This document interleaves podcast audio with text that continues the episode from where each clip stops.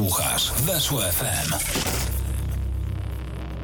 Dzień dobry, witam na antenie Weszło FM, Adam Kotleszka, magazyn Lig Egzotycznych. Wracamy dzisiaj do radia. E, dziś odcinek o piłce w Afryce, dziś odcinek o piłce nożnej w Algierii, dziś odcinek o najbardziej utytułowanym polskim trenerze za granicą, o Stefanie Żywotko. Jeżeli jeszcze nie znacie tego nazwiska, to rozsiądźcie się wygodnie w fotelach, bo dzisiaj wiele razy ono padnie i jak sami się przekonacie, padnie bardzo słusznie, bo to jest postać niesamowicie utytułowana trochę niedoceniona, mam wrażenie, w Polsce. E, natomiast no, postać, którą zdecydowanie należy poznać. E, człowiek, który osiągnął w lidze afrykańskiej naprawdę bardzo, bardzo wiele. O tym wszystkim, także o piłce nożnej w Algierii, o lidze w Algierii rozmawiać będę z autorem książki właśnie poświęconej panu, panu Stefanowi Żywotce, a więc z Michałem Zichlarzem. Cześć Michał, witaj. Dzień dobry, dzień dobry. Michał, bardzo się cieszę, że, że cię mam tutaj jako gościa.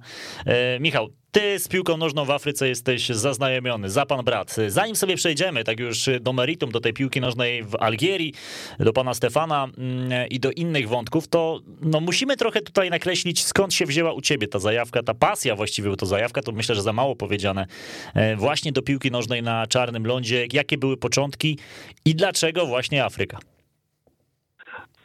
Początki właśnie teraz, teraz sobie o tym myślałem, teraz o tym myślę, bo akurat równo 23 lata temu, 19 listopada 1998 roku po raz pierwszy wylądowałem w Afryce, po raz pierwszy poleciałem do Afryki, a poleciałem tam do swojego przyjaciela Clyda Davidsa, osobę z RPA, którą poznałem, na, którą poznałem podczas pobytu w Londynie rok wcześniej.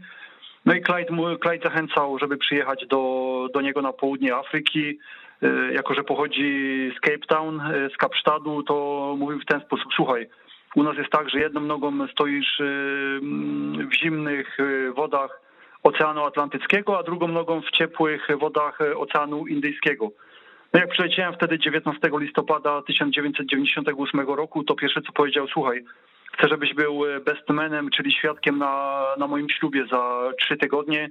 No i tak ta moja przygoda z Czarnym Lądem e, zaczęła się od, od, od, od odwiedzenia e, Klajda mm, w Republice Południowej Afryki. No i od tego czasu w samym RPA byłem trzy razy, a, a gdzieś w samej Afryce kilkanaście razy. Jakie kraje w takim razie masz na rozkładzie, jeżeli chodzi o Czarny Ląd? E, tak, e, kiedyś poleciałem, e, kiedyś poleciałem do, do Nigerii. Chciałem tam poszukać śladów Emanuela, Emanuela Olisadebe, dotrzeć do jego rodziny, dotrzeć do jego najbliższych. Nie bardzo, nie bardzo się to udało, acz choć gdzieś tam mocno też pomagali miejscowi dziennikarze, ale wtedy pamiętam, y, bo, bo poleciałem tam do innego ze swoich przyjaciół, Vincenta e, Alumone, e, który był dziennikarzem e, nigeryjskiej gazety Sport Souvenir. Mm, przez ponad rok z tą gazetą współpracowałem, wysyłając im informacje o piłkarzach z Nigerii, których przecież w Polsce nie brakuje. No i tam spotkanie z Mumini Alao. Pan Mumini pyta, słuchaj, w jakich krajach w Afryce byłeś? No to mówię, Byłem w RPA, e, byłem w Tunezji w 2004 roku e, na, puch na Pucharze Narodów Afryki w Egipcie.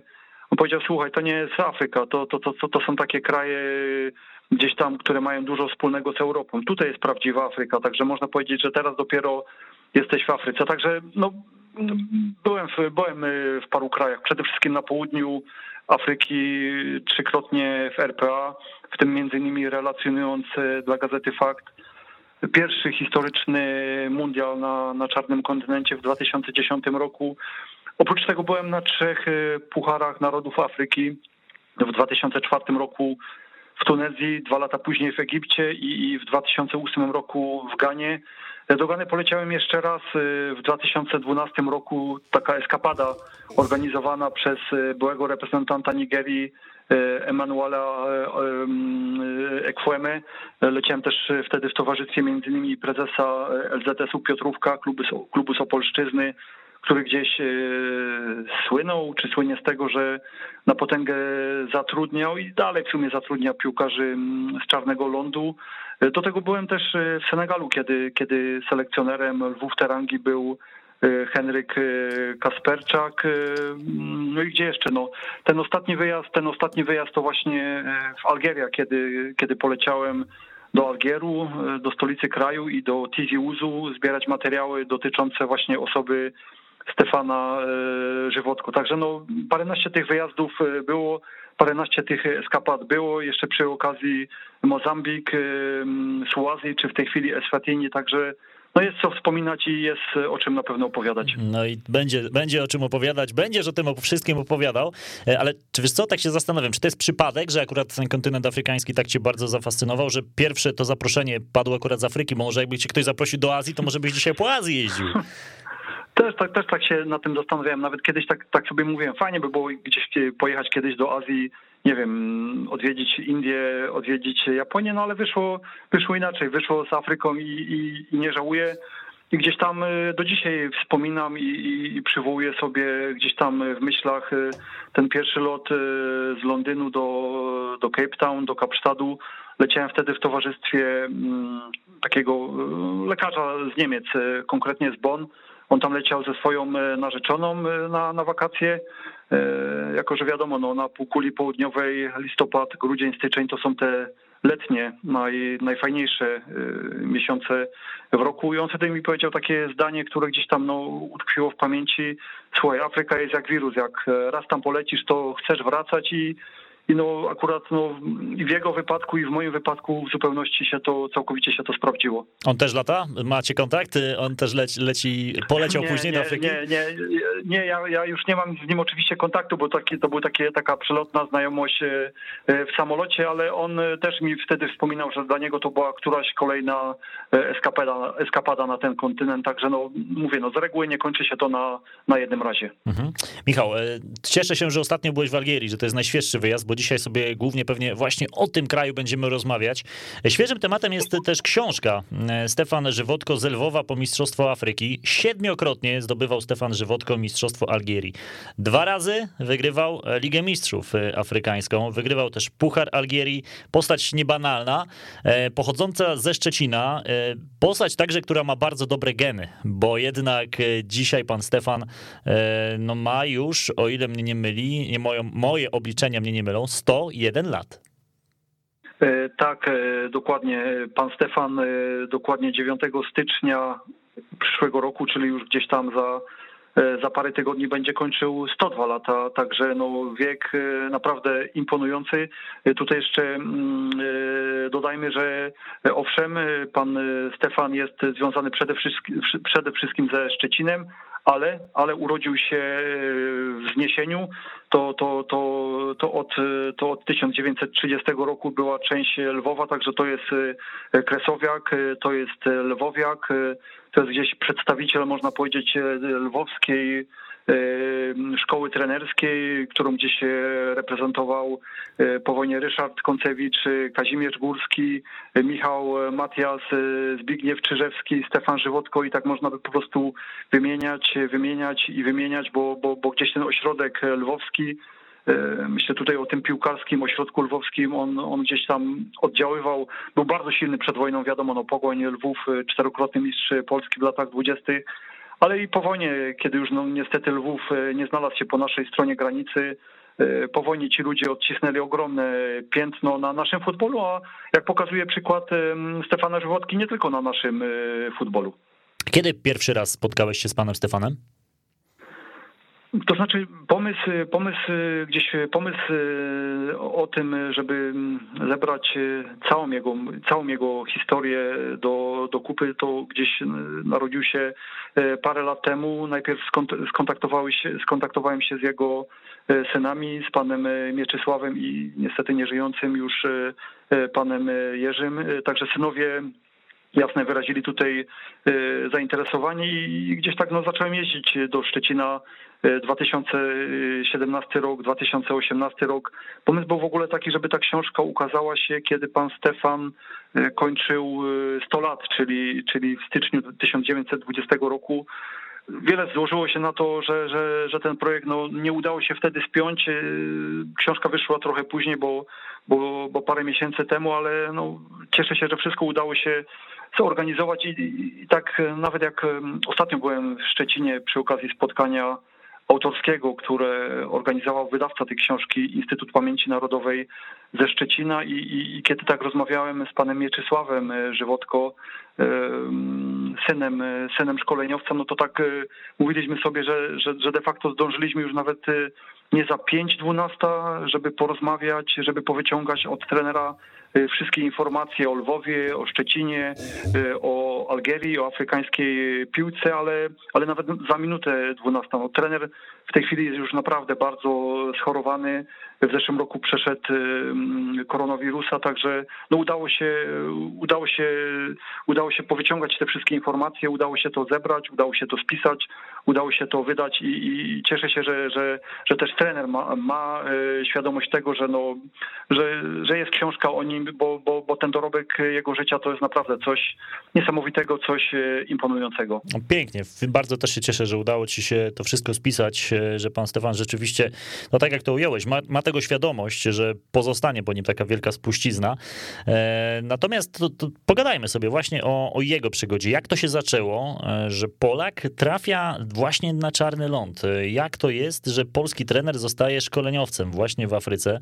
Jak to jest, że właśnie z nadmorza, bo bodaj z, wcześniej był w Arce Gdynia, e, trafia właśnie do Algierii? E, z reguły, Adam, w Twoich programach jest tak, że to jest oczywista rzecz, że to Ty zadajesz e, pytania, Ty podpytujesz, ale może tak niestandardowo. To może ja w tej chwili zadam Tobie pytanie. Proszę bardzo trudne za, za 10 punktów. Skąd Adam, skąd pochodzą najlepsi piłkarze na świecie? Najlepsi piłkarze na świecie pochodzą z Afryki. to musiałem tak odpowiedzieć jesteś, dla ciebie. Jesteś, jesteś bardzo blisko, jesteś bardzo blisko. Y, można powiedzieć tak, że najlepsi piłkarze na świecie są kabelami. Okay. Dlaczego, dlaczego kabelami? Tutaj mówię o tym, o tym regionie Algierii, o tej, o tej grupie narodowościowej bardzo mocnej w Algierii, gdzie kilka milionów kabylów też mieszka we Francji. Kabylami jest e, Zinedine Zidane, Karim Benzema, Samir Nasri, matką Kyliana Mbappe jest kabylka. Mama mistrza świata grała, grała, grała we Francji w piłkę ręczną, także no, najlepsi piłkarze na świecie są, są właśnie kabelami. I, i gdzieś gdzieś właśnie w to miejsce, gdzieś no zupełnie myślę nieoczekiwanie dla siebie e, trafia pan e, Stefan Żywotko, e, jest koniec lat koniec lat 70., nawet nie koniec lat, bo on, tak jak wspomniałeś, trafił do Algierii w 1977 roku. Rok wcześniej wywalczył awans z Arką Gdynia do ówczesnej pierwszej ligi, obecnie ekstraklasy. Miał tam pracować dalej, ale gdzieś no, nadarzyła się wyjazda, nadarzyła się okazja zagranicznego e, wyjazdu i to nawet nie, nawet nie do Algierii. E, sytuacja była taka, e, lata 70. polski futbol jest na topie, polscy piłkarze są rozchwytywani, polscy trenerzy piłkarscy są rozchwytywani. Jako, że Stefan Żywotko jest lwowiakiem, a to jest taka grupa, która gdzieś tam zawsze mocno trzymała się razem, to miał wyjechać na kontrakt nie z kim innym jak z Kazimierzem Górskim. Wszystko już było ustalone, umowy praktycznie były podpisane. Kazimierz Górski kończył swoją przygodę, wspaniałą przygodę z reprezentacją Polski i mieli wyjechać z grupą, z grupą lwowskich trenerów, konkretnie miał być trener Górski, E, miał być trener Żywotko i jeszcze dwóch innych szkoleniowców, e, jeden z nich e, lwowiak pracujący w Polonii Beton, mieli pojechać na kontrakt do Kuwejtu, pracować za petrodolary, świetne warunki pracy, bardzo dobre pieniądze, ale Niestety latem 1976 roku prowadzona przez Kazimierza Górskiego reprezentacja Polski zdobyła tylko, tylko srebrny medal na Igrzyskach Olimpijskich w Montrealu i ówczesne mm, kierownictwo e, władz sportowych zablokowało ten wyjazd. Powiedziało, że nie, nie zgadzają się na to, żeby, żeby polscy trenerzy pojechali e, do Kuwejtu, no i, i, i praktycznie wszyscy zostali na lodzie. Z trenerem Górskim było tyle łatwiej, że on miał już paszport na ręce. Też pamiętam, jaki to jest e, czas 70, 76 rok, to, to, to, to nie było tak, że, że miało się paszport na ręce, kupowało się bilet lotniczy, wsiadało się w samolot i leciało się. Nie, no trzeba było wystąpić o ten paszport, władze albo się zgodziły na to, żeby, żeby taki dokument wydać, albo nie. I, i i gdzieś tam trener Górski oczywiście szybko sobie, szybko, szybko sobie poradził, wyjechał za granicę, konkretnie do Grecji. No ze Stefanem Żywotko nie było tak łatwo. On zwolnił się już z pracy mm, z Arki Gdynia, mimo że przecież wywalczył z tym klubem awans i, i, i miał go dalej prowadzić w ekstraklasie. Ale mówił, gdybym podjął dalej pracę, gdybym wrócił do klubu, to skreśliliby mnie automatycznie z listy szkoleniowców, e, którzy, którzy mogą wyjechać za granicę, więc czekał czekał bardzo długo, y, do, do, do grudnia 1977 roku. No i wtedy dość, dosyć y, niespodziewanie, tak jak to w, życiu bywa, y, los los właśnie wyrzucił go do, do, go, go, go, do, go do dalekiej Algierii. Też taka ciekawa sprawa. Algieria, kraj, który uzyskał niepodległość po krwawej wojnie domowej z Francją w 1962 roku, koniec lat 70. E, jest taki zwrot w kierunku krajów tak zwanej demokracji ludowej. I ówczesne władze sportowe wymyśliły sobie coś takiego. Nie był to, nie, nie, nie był to głupi pomysł żeby przy każdym klubie, który występuje w najwyższej, w najwyższej klasie rozgrywkowej, był jeden szkoleniowiec z doświadczeniem i z reguły byli to oczywiście szkoleniowcy, jako że nastąpił zwrot właśnie w kierunku tych krajów tak zwanej demokracji ludowej. Byli to właśnie trenerzy z, z byłej Jugosławii, ZSRR. Był Stefan Żywotko, byli trenerzy z Czechosłowacji. No jak e, wspominał i, i, gdzieś jak na potrzeby książki Stefan Żywotko z Lwowa po Mistrzostwa Afryki mówił mi szkoleniowiec, Wigilię 1977 roku spędził już na stadionie, na reprezentacyjnym stadionie e, w Algierii, w Algierze 5 mm, lipca, w, właśnie w obecności szkoleniowców gdzieś tam no, z tych, e, w cudzysłowie oczywiście, bratnich krajów. No i tak tak się to wszystko zaczęło. Mhm. No więc y, no, nieoczywisty kierunek. Pytanie teraz, czy w Algierii, w ówczesnych czasach, e, pana Stefana Żywotkę też skusiły pieniądze, czy tam wtedy można było naprawdę bardzo dobrze zarobić, bo Kuwait to jest oczywiste, to te petrodolary to, to działają na wyobraźnię. Natomiast czy Algieria też była takim krajem, która płaciła wówczas krocie?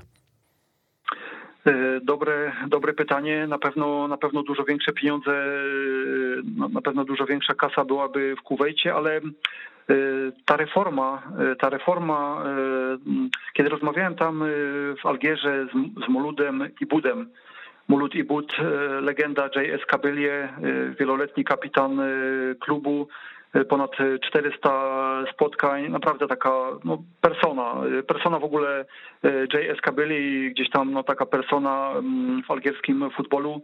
On mi mówi, słuchaj, no to wtedy było tak, że oprócz tego, że w każdym klubie znalazł się specjalista, szkoleniowiec z zagranicy, to jeszcze w tym czasie nasze kluby mm, powiązano z poszczególnymi branżami. Tak na przykład taki może najbardziej popularny, może nie najbardziej utytułowany, bo najbardziej utytułowany w Algierii to jest J.S. Kabylie, w dużej mierze dzięki Stefanie Żywotko, ale taki najbardziej popularny klub Algierii, Moludia, e, Algier, e, MP, Oran, te kluby miały patrona, były pod patronatem zakładów petrochemicznych.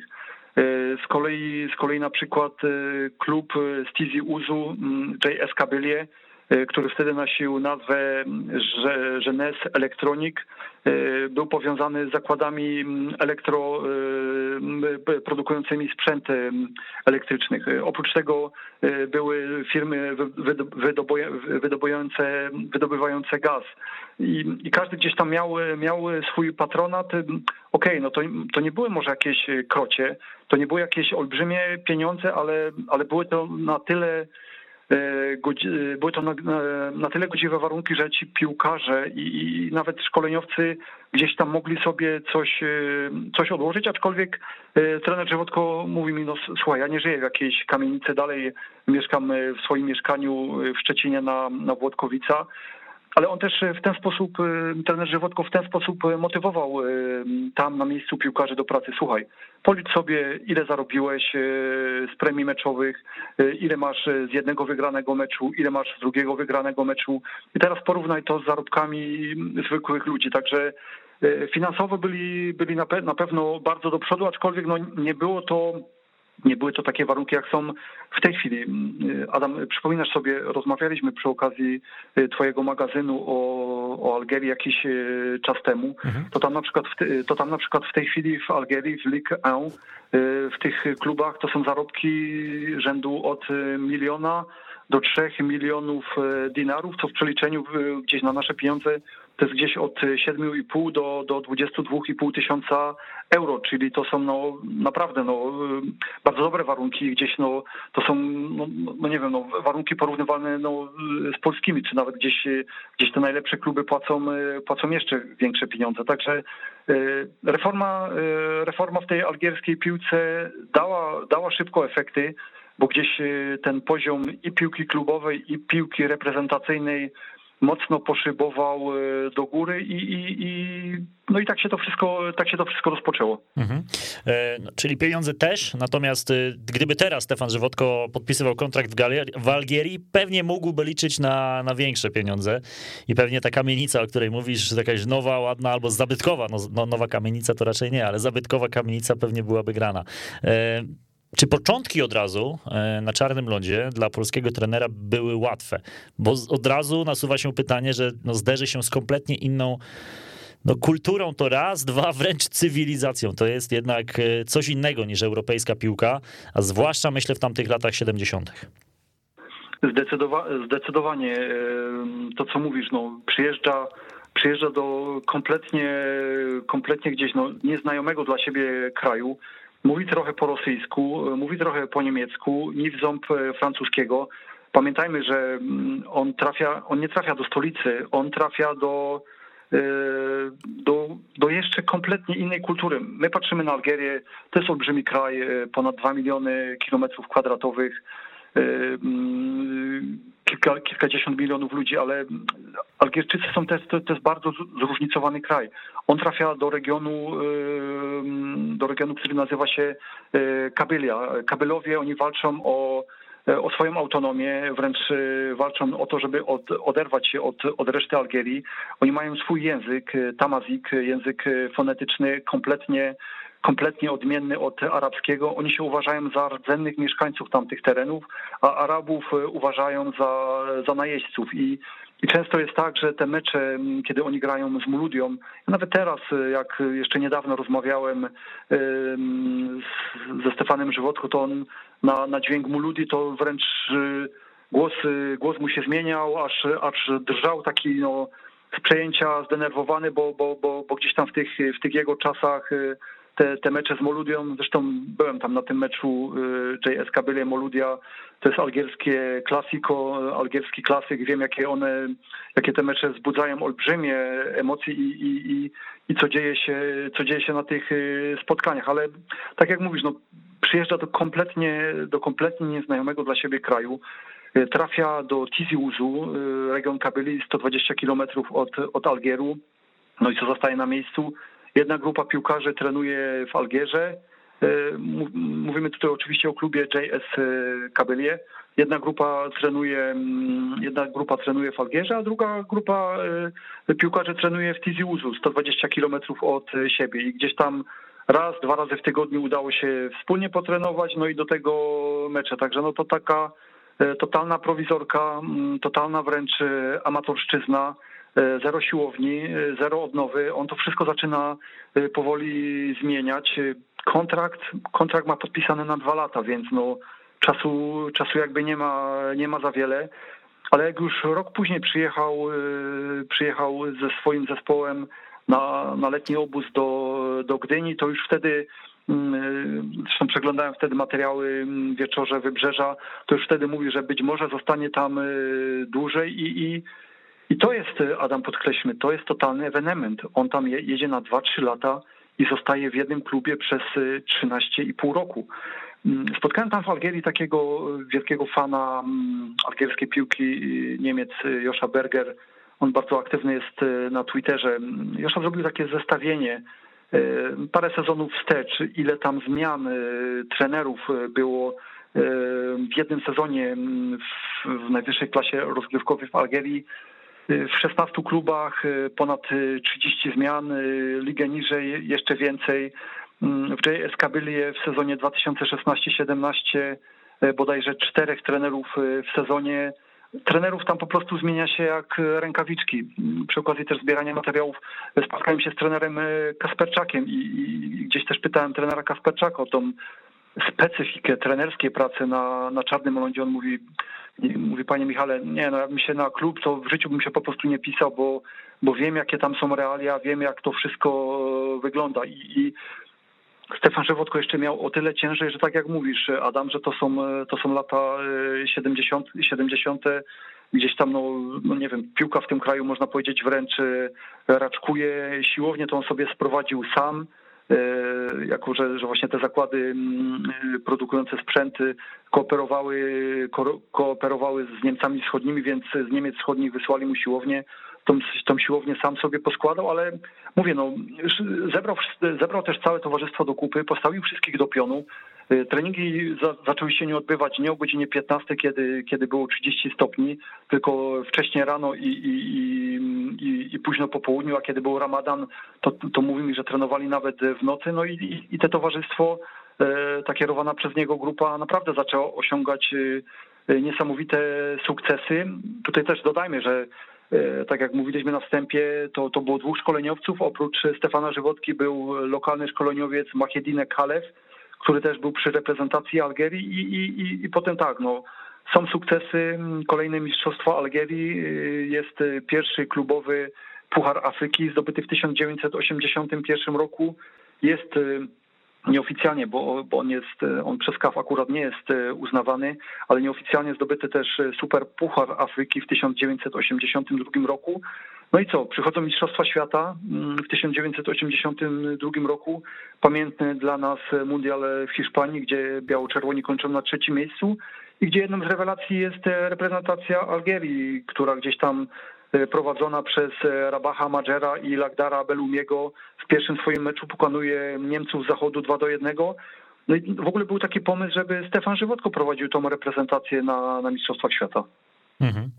E, no właśnie, ten, ten mundial w 82 pewnie też jeszcze napędził trochę taką koniunkturę na polskich piłkarzy, polskich trenerów, takie mam wrażenie. Natomiast czy w ogóle Algierczycy w tamtym czasie mm, mieli jakieś pojęcie na temat polskiej piłki? Było gdzieś to pokłosie tego mundialu w 74, dotarły te wieści do, e, do głębokiej Afryki, czy to raczej, e, wiesz, sami nie wiedzieli czego się spodziewać, kiedy Stefan Żywotko do nich przychodził? Po, czyli słowem, czego oni się oczekiwali po przyjściu polskiego selekcjonera? Trenera. Kiedy, kiedy wertowałem też gazety z tamtego okresu, to gdzieś tak na, nawet przypadkowo natknąłem się na e, gazety z katowickiego, e, katowickie wydania sportu, 74 rok i tam y, to, to było jedno z wydań po, po Mistrzostwach Świata i gdzieś taki, taki tekst dotyczący, dotyczący właśnie e, polskich e, szkoleniowców i, i, i, tego, e, i tego, ile gdzieś tam krajów zgłaszało swoje, swoje oferty do, do Polskiego Związku Piłki Nożnej, czy do ówczesnych władz sportowych. Nie wiem, to była Maroko, to była Algeria, to była Indonezja. Zresztą jeśli chodzi o, o tą Indonezję, to nawet była taka opcja, że, że trener Żywotką miał pojechać e, tam, bo była też taka propozycja, o czym mówił e, dziennikarzowi Wieczoru Wybrzeża latem 1978 roku, no ale wybrał bliższy kierunek Algieria, także no, te kraje powiedzmy dla nas egzotyczne, one, one starały się o to, żeby, żeby polscy szkoleniowcy, żeby gdzieś ta polska myśl szkoleniowa, która wtedy była w cenie, żeby, żeby ich ściągnąć do siebie. Ja też przy okazji mm, pisania y, książki rozmawiałem y, z profesorem Talagą.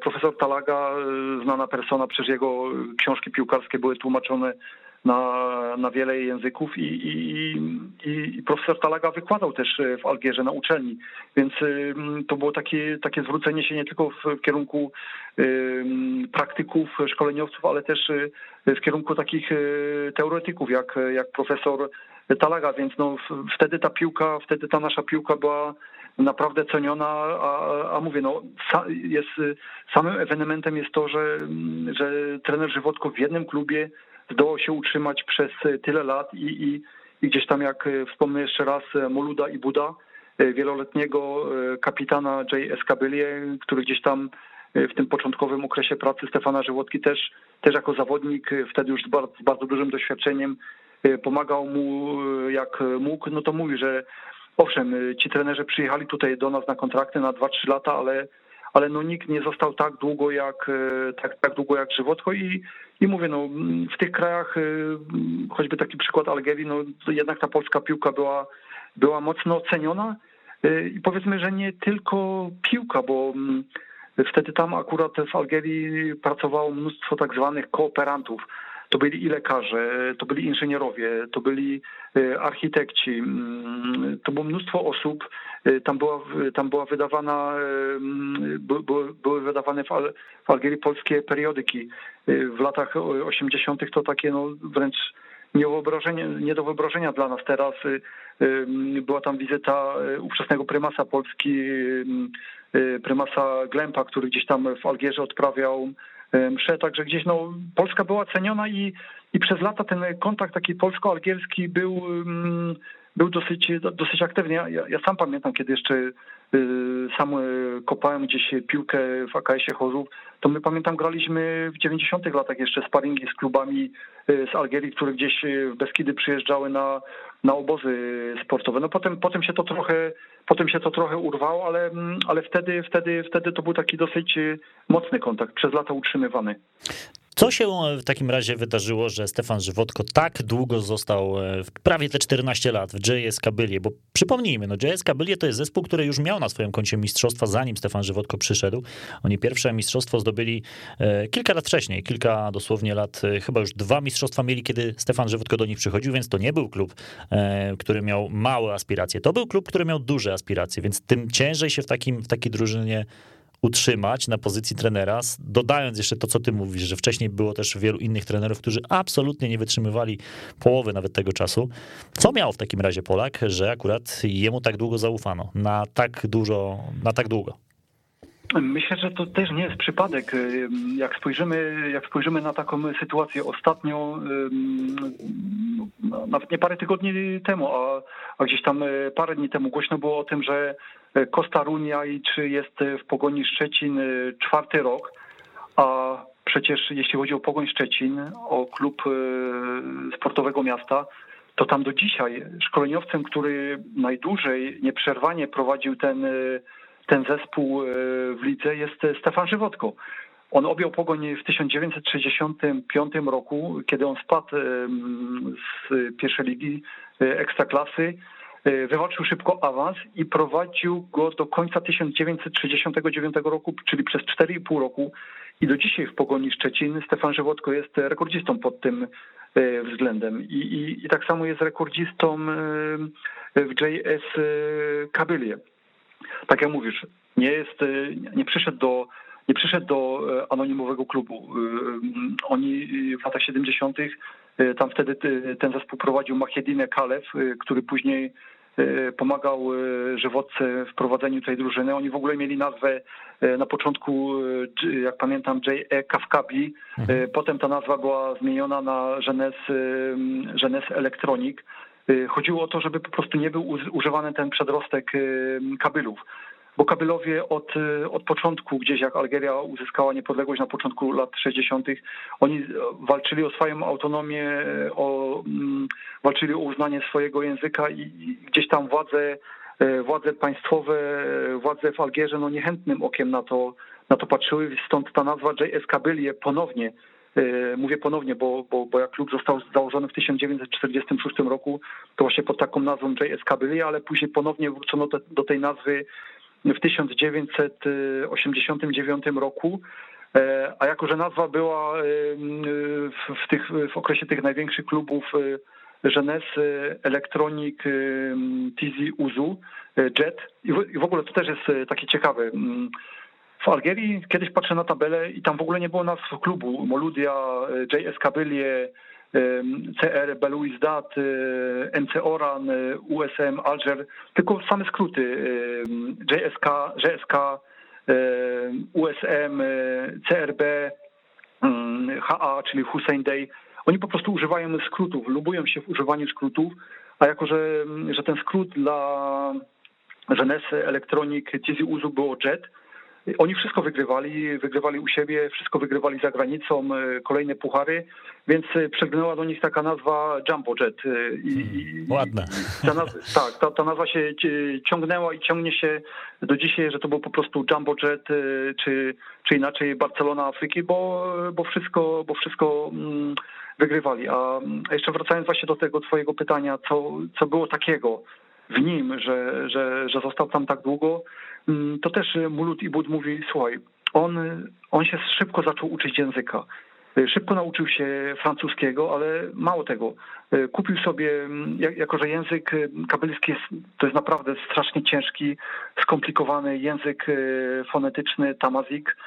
On zaczął się uczyć nawet tego języka, więc nawet jak oni zaczęli między sobą rozmawiać e, po kabelsku, bo, bo, bo w Tizi Uzu, w klubie Tizi Uzu e, grają głównie e, kabelowie, mm, miejscowi, miejscowi chłopacy, to jest taki obszar górski, no, bardzo taki no, waleczny, bitny, bitna grupa etniczna, to, to oni nawet jak między sobą zaczęli gdzieś, no nie wiem, no, niecenzuralnie się mm, odzywać między sobą, no to trener Żywotko zwracał im uwagę, bo, bo potem ten, nawet ten język zaczął rozumieć, czyli no miał coś takiego, że wpasował się w tą kulturę, e, nauczył się, nauczył się ich e, języka i, i, i tak mocno się z wszystkimi zżył, że po prostu wytrzymał tam aż tyle lat do, do 1991 roku, praktycznie do momentu, kiedy kiedy wybuchła w Algerii krwawa wojna domowa i no, to już, już tam wtedy nie można było zostać, bo było naprawdę niebezpiecznie.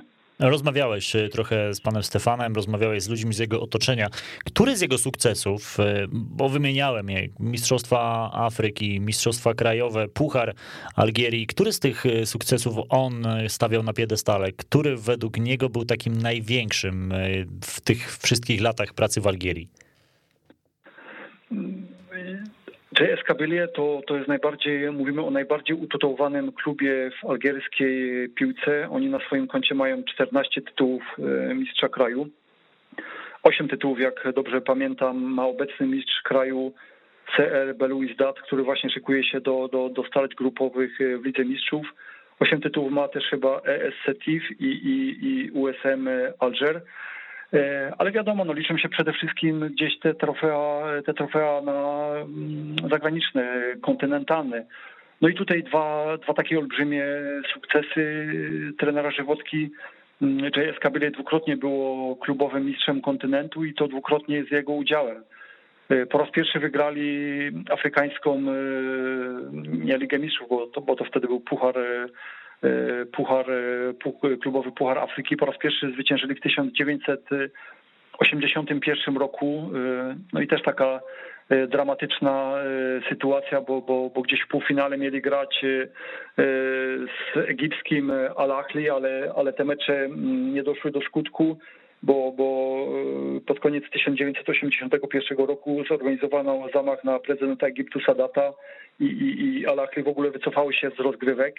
No i w finale pokonali wtedy mm, klub z Kinshasy, y, mm, z ówczesnego Zairu, AS Vita, y, dwukrotnie ich y, rozbijając i, u siebie i na wyjeździe. A z AS Vita to też taki no, bardzo utytułowany klub w Afryce, parę lat wcześniej, parę lat wcześniej odpadli. No i później kolejny, kolejny sukces, właśnie to powtórzenie tego, co był już z kompletnie praktycznie inną grupą zawodników, 1990 rok, e, schyłek e, pracy trenera Żywotki e, w Algierii i, i, i też dramatyczny finał zambijskim Canaret Devils. Wszystko skończyło się na terenie rywala rzutami karnymi. Szczęśliwie, szczęśliwie, szczęśliwie właśnie dla, dla, kanar, dla Kanarków czy Lwów Dżurdury bo takie są e, przydomki klubu JS Kabylie i, i, to myślę, że te, te, dwa, te, te dwa osiągnięcia są takimi no, największymi jego sukcesami piłkarskimi, ale tu bym powiedział jeszcze taką jedną rzecz. Kiedy byłem w Algierii, kiedy rozmawiałem e, z jego byłymi zawodnikami, Jamel Menat, 80-krotny reprezentant Algierii, król strzelców Pucharu Narodów Afryki w 1990 roku, kiedy Algieria triumf, triumfowała. Hakim Medan, też reprezentant, kiedy z nim rozmawiałem, była, był akurat menadżerem kadry, którą prowadził Rabach, słynny Rabach Madżer. Nasser Buisz, jeden z najskuteczniejszych piłkarzy w historii algierskiej piłki. Oni wszyscy podkreślali taką jedną rzecz I, i, i nawet jak w Polsce rozmawiałem z panem Januszem Kupcewiczem w Gdyni, z panem Czesławem Boguszewiczem, z Marianem Kielcem, to oni podkreślali coś takiego, że on umiał dotrzeć do zawodników i przede wszystkim, to trzeba też podkreślić, miał oko, miał dryg do wprowadzania młodych graczy zespołów utalentowanych juniorów do piłki seniorskiej, co, co przecież wiemy, no, no nie jest łatwe. Przykład Władysław Szaryński właśnie wyszedł pod ręki trenera Żywotki i gdzieś tam pierwsze kroki w dorosłej piłce w Arkonie jako szesnastolatek trafiał. Potem Zenona, Zenona Kasztelana w Pogoni Szczecin w 1965 roku wyciągnął z zespołu, który walczył w finale Mistrzostw Polski Juniorów. To samo potem robił właśnie w, w, klubie, w klubie w Algierii. Przygotował sobie, przygotował sobie grupę chłopaków zdolnych, pracował z nimi indywidualnie, starał się o nich, umiejętnie ich wprowadzał do, do, do zespołu i, i jak podkreślał, taką szczególną satysfakcję dał mu ten triumf w afrykańskim klubowym Pucharze Afryki w 1990 roku, bo to, by, to byli praktycznie wszyscy jego wychowankowie. To byli wszyscy piłkarze, których on gdzieś tam prowadził i umiejętnie gdzieś tam wprowadził właśnie do tego pierwszego zespołu. A no to tak, tak jak podkreślam, przede wszystkim te właśnie te triumfy kontynentalne to takie największe sukcesy trenera. A czy trener kiedykolwiek wspominał o jakimś konkretnym zawodniku? Czy wyróżniał jakiegoś piłkarza, którego miał pod swoimi skrzydłami? Może słyszałeś ewentualnie, jak kogoś chwalił? Czy był taki zawodnik, który na nim zrobił naprawdę mega wrażenie w Algierii? Po raz ostatni, po raz ostatni trener Żywotko poleciał do Algierii w 2003 roku. Zaprosili go wtedy na benefis takiego piłkarza Ali Belachcene, Cipalo. Cipalo to był taki piłkarz, który no, świetny technik. Zresztą trener Żywotko mówił, że oni po prostu, no, oni, oni się rodzą, oni się rodzą z tą piłką, oni już w kołysce tą piłkę mają, oni mają klej w butach, oni mają klej w nogach, ta piłka ich się słucha, ta piłka ich się trzyma. Technicznie są naprawdę fantastyczni, no są ciężej, jeśli chodzi o takie ogarnięcie taktyczne, o takie ich o takie ich przygotowanie, ale właśnie taki piłkarz, właśnie wymieniony piłkarz Ali Belachcene czy Palo, to gdzieś tam mój przewodnik po, po, po, po Algierii, Maher Mezahi, algierski dziennikarz, też, też, też dosyć aktywny na, na Twitterze. Gdzieś tam ktoś, ktoś, kto będzie chętny, to sobie może zajrzeć na jego tweety, to, to Maher mi wspominał, wiesz, to, taki, to był taki szuszu dla niego, taki ktoś, taki, kto taki, takiego, takiego pupilek. Pytałem potem też trenera, trenerze, faktycznie było tak, że ten Ali Belachcene to był taki ulubieniec trenera, ale trener mówi, nie, nie, słuchaj, to, to nie było tak. No ja zawsze, ja miałem surową rękę, ja jestem trenerem starej daty, ale zawsze starałem się wszystkich traktować równo i, i, i, i gdzieś tam ani jednego nie wywyższać, ani, ani drugiego gdzieś tam nie, nie poniżyć. I to też myślę, że to się też potwierdzało, jak, jak nawet gdzieś tam długie godziny przegadałem z panem Czesławem Boguszewiczem, trener go ściągnął, trener go ściągnął do Pogoni Szczecin też jako, jako nieopierzonego nastolatka i też go prowadził praktycznie jako, no, zastępował mu praktycznie, że tak powiem, w Szczecinie ojca i gdzieś tam ci piłkarze w wypowiadali się w podobnych, w podobnych słowach o, o, o żywotce i naprawdę ciężko było znaleźć jakiś taki no, negatyw w stosunku do, do, do, polskiego, do polskiego szkoleniowca.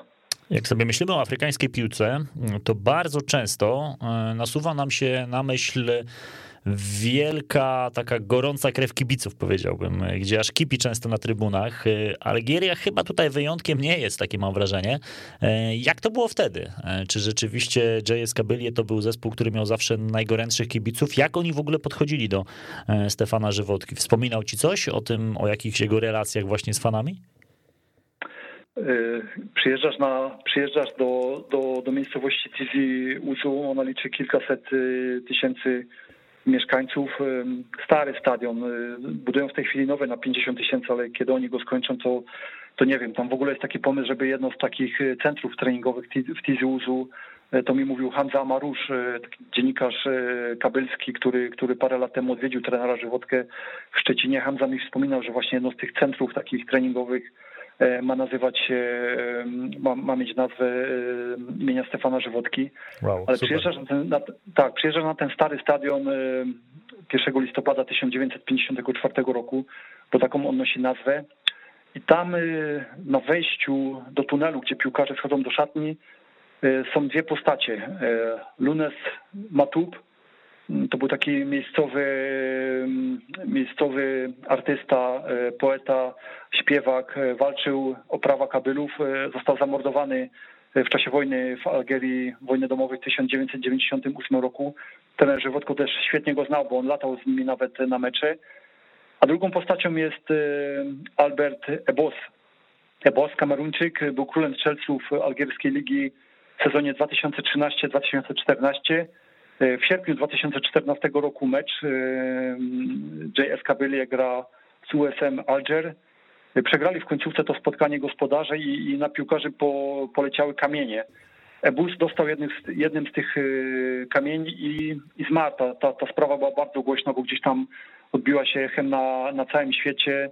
Tym bardziej, że no, potem były takie no, były niejasności, czy, czy faktycznie zmarł od, od rzutu kamieniem, bo, bo, bo, bo rodzina kameruńskiego piłkarza twierdziła, że, że gdzieś został pobity i gdzieś to do końca nigdy nie zostało wyjaśnione. I, i, i trener Żywotko też mówił, że no, zdarzało się tak, że, że kamienie leciały na boisko, bo to w Algierii naprawdę, no, byłem tam na meczu JS Kabylie, Muludia, byłem tam na meczu Muludia Paradu i, i, widziałem, co się tam po prostu dzieje i no, nie można do końca się czuć, e, nie można do końca się czuć bezpiecznie. Kamienie lecą na boisko, ale trener Żywotko mi mówi tak, słuchaj, ja sobie szybko ich ustawiłem, a poza tym e, co oni mogli podskakiwać, skoro myśmy wygrywali spotkanie za spotkaniem, to no, nie było, nie, nie, nie było jakichś, nie było nigdy, nigdy komplikacji z kibicami, a Wiesz mi, Adam, y, spędziłem tam, y, pojeździłem trochę po Algierze, y, po Ciziuzu, rozmawiałem z różnymi ludźmi, gdzieś no, dźwięk nazwiska Ziwotko, bo tak, bo tak oni wypowiadają to nazwisko, to po prostu no, otwiera wszystkie drzwi, hmm. od razu uśmiech, znają go gdzieś, no nie wiem, taksówkarze, znają go sklepikarze, już o kibicach piłkarskich nie mówiąc, on cieszy się tam olbrzymią estymą. U nas Mało już, mało, mało już kto o nim pamięta, ale tam w Algierii to jest naprawdę, e, jak mówił o nim profesor e, Talaga, Bóg i car w jednej osobie praktycznie. Dlatego ja tym bardziej się cieszę, że napisałeś tę książkę, że udało się jeszcze spiąć i porozmawiać z panem Stefanem, no jak najwięcej pewnie mógł ci zdradzić. I też między innymi ten magazyn jest po to, żeby przypomnieć tę, no, tę wielką postać, naprawdę najbardziej utytułowany polski trener za granicą. Wiemy, że my akurat w Polsce takich triumfów trenerskich nie, nie święcimy, tak delikatnie mówiąc. No, polska trenerka nie ma jakiejś renomy na świecie dobrej, a jednak Stefan Żywotko się wyłamał i to bardzo bardzo mocno. E, kto był, jaka drużyna była wówczas takim największym rywalem JS Kabylie? E, I możesz od razu też przejść do czasów dzisiejszych. E, jaki zespół dzisiaj jest na topie w lidze algierskiej? Tak, wtedy, wtedy w tych czasach, tu już wspomniałem wcześniej, nawet gdzieś rozmawiając z trenerem o, o, o, o tych jego czasach, kiedy, kiedy on przez te kilkanaście lat pracował w Algierii, no to takim największym rywalem była ta Moludia Alger i, i, i gdzieś te mecze wy, wy, wywoływały taki największy dreszczyk emocji. On mi wspominał, kiedy tam był na początku i, i prowadził, prowadził Jeunesse Electronic Tiziuzu i kiedy spotykał się z Moludią, tam szkoleniowcem był e, Jugosłowianin e, Naumowicz. On mówi, słuchaj, nie bardzo masz szansę, no możesz się starać, ale, ale nic z tego nie będzie. No, wiadomo jak to jest. No, klub, klub ze stolicy mający, mający olbrzymiego e, sponsora w postaci e, zakładów petrochemicznych, e, duże pieniądze zaangażowane i gdzieś tam na początku tej moludii obrywali, ale potem, ale potem to się skończyło i, i, i gdzieś przyszły lepsze czasy dla JS Kabylie, ale do dzisiaj gdzieś te mecze, jak, jak nawet wtedy te parę lat temu byłem byłem na meczu JS Bylia Moludia, no to przekonałem się, przekonałem się sam, jak, jak olbrzymie emocje te, te, te spotkania, te starcia wywołują, jaka jest presja na, na jednym, na, na, na drugim zespole. To jest naprawdę taka presja wręcz fizyczna. Ja pamiętam wtedy w trakcie tego meczu bramkarzem Muludi był miejscowy chłopak stamtąd, z Tizuzu, Kabel, Szauszy. No, nie wytrzymał tego. Oni e, lżyli go miejscowi kibice, wyzywali, nie podawali mu piłki. Jeden z ochroniarzy go opluł, potem ten ochroniarz został aresztowany przez policję. Temu ochroniarzowi wszyscy oczywiście brawo bili. No takie sceny po prostu, no to było coś nieprawdopodobnego. Ja no, jako dziennikarz jeżdżę od ćwierć wieku na, na różne mecze, ale czegoś takiego jak tam na tym algierskim klasiko JS Kabylia, Moludia, no, no nie widziałem. Jakie, jakie kluby w tej chwili y, jakby no, rządzą w algierskiej lidze? Kiedy ta liga w ogóle wystartowała w latach 60., to, to, to była taka era klubu CR Belouizdad, który w tej chwili jest też na topie. E, zdobył mistrza e, Algierii w zeszłym sezonie, triumfował też w poprzednim sezonie. To jest też jeden z najbardziej utytułowanych algierskich klubów, osiem tytułów na koncie. Lata 70. to z kolei tak, takie, to, to były lata Muludi, wspomnianej Muludi Alger, MC Alger. E, oni to jest jeden z pierwszych w ogóle klubów z północy kontynentu, który po egipskiej Ismaili sięgnął po klubowy Puchar Afryki. To był w 1900 76 roku, a więc 5 lat przed, przed triumfem e, Stefana Żywotki i jego, jego, jego jedenastki Jumbo Jet. E, teraz Teraz, Adam, jak popatrzymy, to wiadomo, no, rządzą, rządzą tylko i wyłącznie kluby z północy kontynentu, bo przecież są kluby z Kairu, Al-Ahli, Zamalek, jest, jest Esperance, jest Wydad, jest Raja Casablanca. W ogóle jak spojrzy się na ten ranking lig, to, to, to, te kluby z północy kontynentu y, rządzą. Tam ta Liga Algierska jest na, bodajże jak pamiętam, na czwartym miejscu. Lata 90, lata 80., 90. to był tak, taki okres y, dla rządów JS Kabylie, y, w poprzedniej dekadzie ES Setiv, no a teraz ponownie właśnie CR Belouizdad. Tak jest, Sir Louis Dat, a więc y, ostatni mistrz. Jak wyglądają teraz rozgrywki w lidze algierskiej? E, bo sezon zaczął się tak naprawdę dosyć niedawno. W październiku e, rozpoczęło się y, kolej, rozpoczął się kolejny już sezon. Mm, jak to wygląda? Ile drużyn, jaki jest system rozgrywkowy? Jesteś z tym na bieżąco? Y, tak, śledzę, śledzę, śledzę, śledzę te rozgrywki. To też jest taki, powiem tak, jest jak byłem tam parę lat temu, to był po prostu chaos i, i, i, myślę, że, że dalej trochę tak, e, że dalej trochę tak to wygląda i tak to dalej funkcjonuje. Ja tam w ogóle chciałem lecieć, pamiętam w marcu 2018 roku, bo, bo, bo wiadomo, przy okazji, no, przy okazji zbierania materiałów o, o, o trenerze chciałem się też dowiedzieć czegoś więcej o piłce algierskiej. Chciałem pojechać na jakiś ligowy mecz i i, i, akurat wtedy był bodajże planowany mecz, y, akurat był planowany mecz JS Moludia w marcu, ale nie, nie, nie, nie dostałem po prostu wizy. Musiałem długo na wizę czekać, musiałem ten wyjazd o parę tygodni odłożyć. odłożyć. Przyleciałem tam w poniedziałek, y, we wtorek umówiliśmy się z takim byłym piłkarzem, byłym reprezentantem Algierii. Jest rano, kupujemy gazetę, Maher mówi, mój przewodnik po Algierii, Maher mówi, słuchaj, o 17 jest mecz. O 17.30 jest mecz w Tizuzu. Y, JS Kabyle gra z Moludią. Jedziemy? Ale decyzję musimy podjąć teraz, bo to trzeba być parę godzin przed meczem. Ja mówię, no tak, jedziemy, no super. Więc wsiedliśmy do taksówki, pojechaliśmy na mecz, ale to tak wszystko się wszystko się po prostu rozstrzyga, no nie wiem, y, wiadomo, że kolejka będzie grana parę dni, dosłownie parę dni przed. Wchodzisz na mecz, Y, nie masz w ogóle żadnego, y, nie wiem, funkcja rzecznika prasowego nie, nie obowiązuje. Y, trzeba po prostu od razu kontaktować się z kimś albo z policji, albo z wojska, żeby cię, żeby cię wpuścili na mecz. Także no taka, takie zupełnie inny świat, zupełnie, zupełnie inne obyczaje, ale gdzieś no, te rozgrywki cieszą się dużym zainteresowaniem, szczególnie gdzieś kiedy dochodzi do takich meczy jak e, Moludia z JS Kabylie, już no, nie mówiąc nawet o, o, o tych wielkich derbach Algieru, okej, okay, no one może nie są porównywalne z takim starciem jak e, w Egipcie, jak w Kairze, Al-Ahli z Zamalekiem, ale gdzieś te starcia Moludi, MC Alger z, z USM Alger, no to też wzbudzają olbrzymie zainteresowanie i te kluby też mają no, no rzesze, rzesze, rzesze swoich sympatyków. Także no, jest ciekawie, ci piłkarze są pod dużą presją. Z drugiej strony w tych najlepszych klubach też, tak jak tutaj wspominaliśmy, zarabiają naprawdę niezłe pieniądze i w ogóle coraz więcej piłkarzy, przecież Algierczycy, y, algierska w ogóle reprezentacja, to też mówimy o kraju, który jest urzędującym y, mistrzem kontynentu i gdzieś w tych rozgrywkach y, międzynarodowych od, od, od lat wygrywa swoje spotkania, to, to, to, to gdzieś nawet ci piłkarze mm, z Francji algierskiego pochodzenia przyjeżdżają grać właśnie do, do, do kraju pochodzenia swoich rodziców, żeby tam po prostu zarabiać jako zawodowi piłkarze. A przychodzą ci na myśl jakieś takie nazwiska, które kibic z Europy mógłby rozpoznać, które grały gdzieś powiedzmy w Europie, albo może gdzieś zasłynęły właśnie w reprezentacji Algierii, które grają w lidze obecnie, albo dopiero co grały? No nie, to nie, to, to raczej to, to, nie, to, to nie ten kaliber. Zresztą, zresztą nawet nawet jak e, nawet jak, e, jak ten Jamel Belmadi powoływał piłkarzy na, na, na, na, na ostatni Puchar Narodów, gdzie Algieria wygrała w 2019 roku, to tam był bodajże jeden, jeden piłkarz z Ligi Krajowej, z takiego też ciekawego klubu Paradu, to też klub założony przez, przez prezydenta Algierskiej Federacji Piłkarskiej, pana Zeciego, potem kierowany był przez, przez, przez jego brata.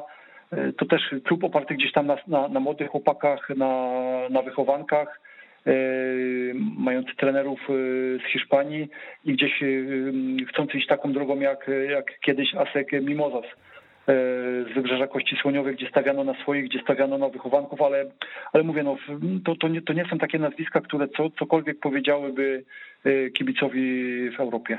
Jak się plasuje Liga Algierska na tle całej Afryki, na, całego, na, na tle całego kontynentu?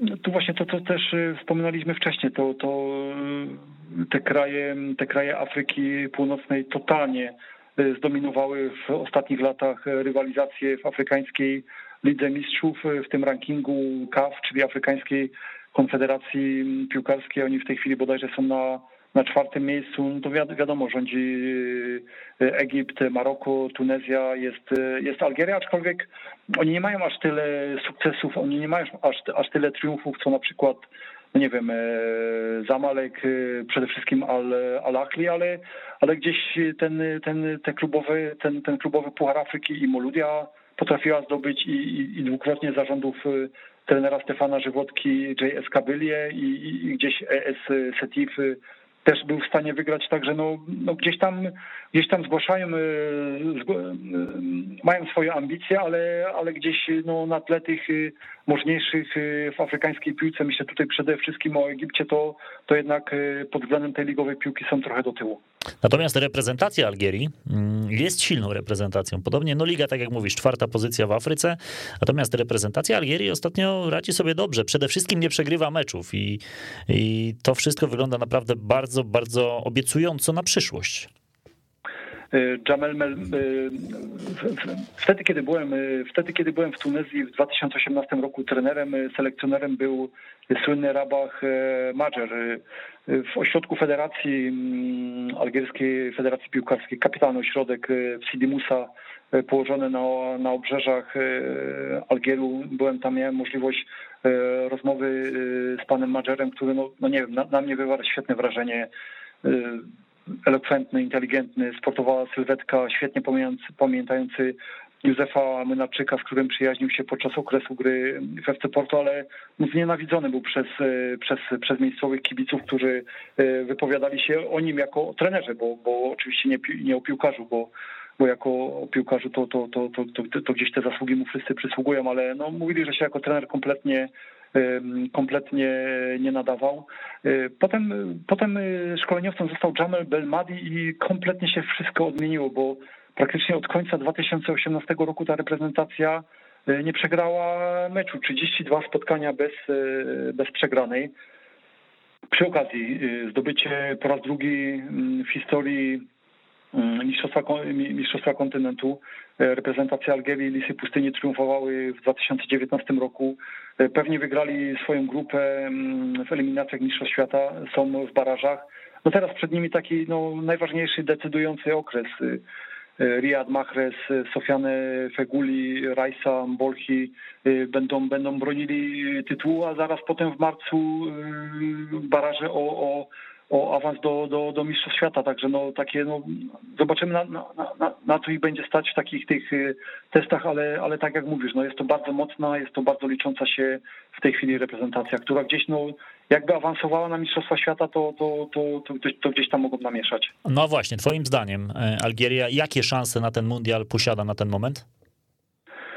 To znaczy tak, no przede wszystkim trzeba przejść, e, przede, wszystkim trzeba przejść te baraże, a wcale to nie będzie łatwe. Okej, okay, Algieria jest w piątce, bo przypomnijmy w tej ostatniej turze afrykańskich eliminacji do, do mundialu w Katarze e, bierze udział 10 reprezentacji, 5 jest rozstawionych.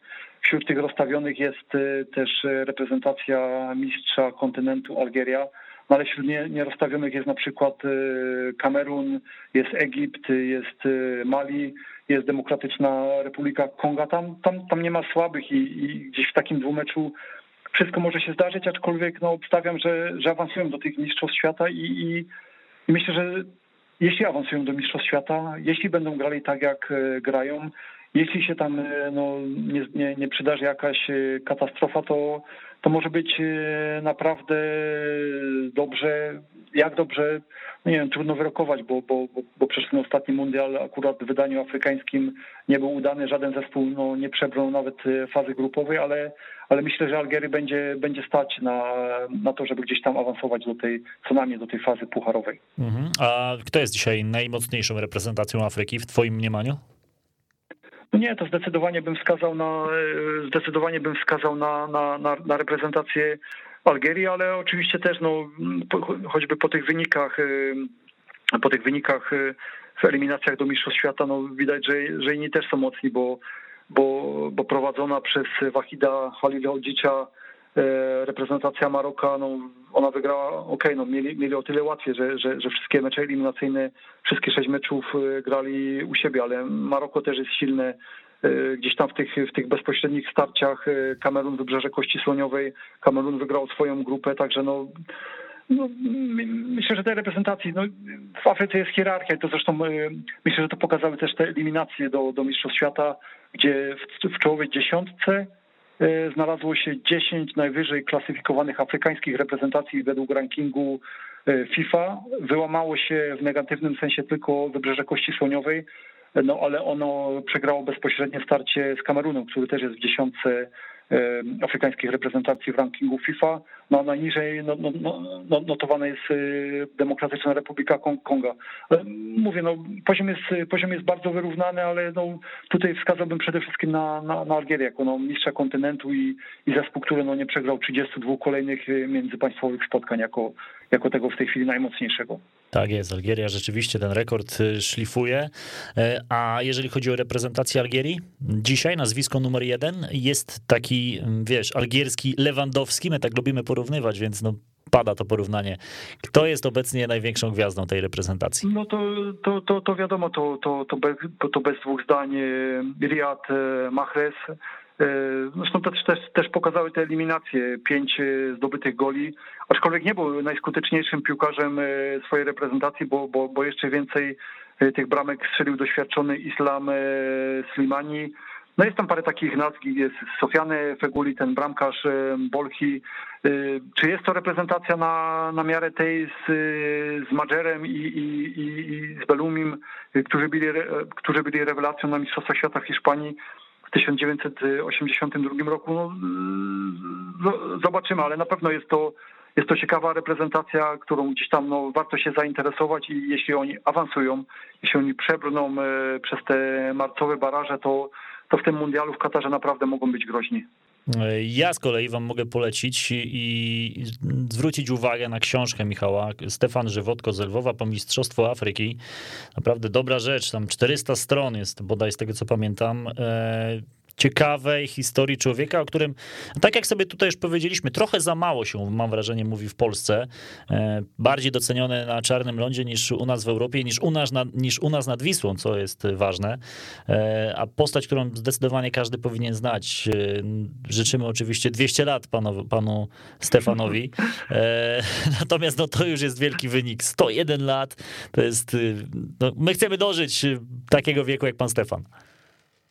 Dokładnie, dokładnie Adam. Ja przede wszystkim e, dziękuję e, ze swojej strony i myślę też e, ze strony trenera Stefana Żywotki, że, że, że, poświęci, że poświęciłeś tyle czasu jego osobie, a, a, tak jak powiedziałeś, no, jest to osoba na tyle warta przypominania, mówienia o niej, wspomina, wspominania o tych, o tych jego wielkich sukcesach, że, że, że na pewno no, warto poświęcić mu taką, taką ciekawą audycję, jak, jak ty to robisz, jak ty to prowadzisz. E, ta audycja, jeżeli dopiero teraz się na nią załapaliście, słuchając na żywo, też będzie oczywiście do odsłuchu na weszło.fm w zakładce magazyn Lig Egzotycznych, także na Spotify. E, tam będziecie mogli ją znaleźć. No to Michał, teraz jeszcze reklama od ciebie. Gdzie można w takim razie znaleźć książkę o panu Stefanie? E, tak, e, wydawcą książki Stefan Żywotko z e, Lwowa po Mistrzostwa Afryki jest IPN, także gdzieś we wszystkich oddziałach Instytutu Pamięci Narodowej rozsianych po całej Polsce, ale także gdzieś internetowo, czy, czy, czy przez IPN, czy przez, przez te księgarnie wysyłkowe, przez Sendsport, także tam, tam, tam jest do, do, do zdobycia. Mówię, no Lektura jest na tyle ciekawa, postać e, samego szkoleniowca jest na tyle, na tyle interesująca, bo to jest nie tylko Algieria, ale to jest też e, okres e, lwowski, to jest też okres szczeciński. Wiele rozmów z osobami, które gdzieś tam no, miałem możliwość pracy ze szkoleniowcem, także no, zachęcam do, do sięgnięcia po tą lekturę. Ja zdecydowanie zachęcam. Michał jest autorem, ale jest skromny, ale ja wam naprawdę mówię, że warto, że bardzo, bardzo mocno warto. Michał, bardzo ci dziękuję. Jak zwykle przyjemność z tobą porozmawiać o, o afrykańskiej piłce. Natomiast zanim cię pożegnam, jeszcze muszę cię dopytać, gdzie i kiedy teraz do Afryki się wybierasz? Dobre pytanie. Najchętniej to mi się spakował i leciał e, na początku stycznia na, na Puchar Narodów e, Afryki do, do Kamerunu, ale ta obecna sytuacja taka, no wiadomo, z pandemią koronawirusa, no nie bardzo zachęca, także no w tej chwili w tej chwili jestem na miejscu, a, a co pokaże życie, zobaczymy. No, nie powiedziałem ostatniego słowa do, do Afryki, na pewno jeszcze nie raz, nie dwa polecę. No i to i trzymam cię za słowo i żebyśmy mieli potem jeszcze kolejne historie, które będziesz mógł opowiadać. Raz jeszcze, Michał Zichlarz był moim gościem. Michał, bardzo dziękuję. Dziękuję Adam i pozdrawiam wszystkich e, słuchaczy. Magazyn Lig Egzotycznych e, dobiegł końca. Odsłuchujcie poprzednie odcinki na naszym Spotify i na stronie weszło.fm.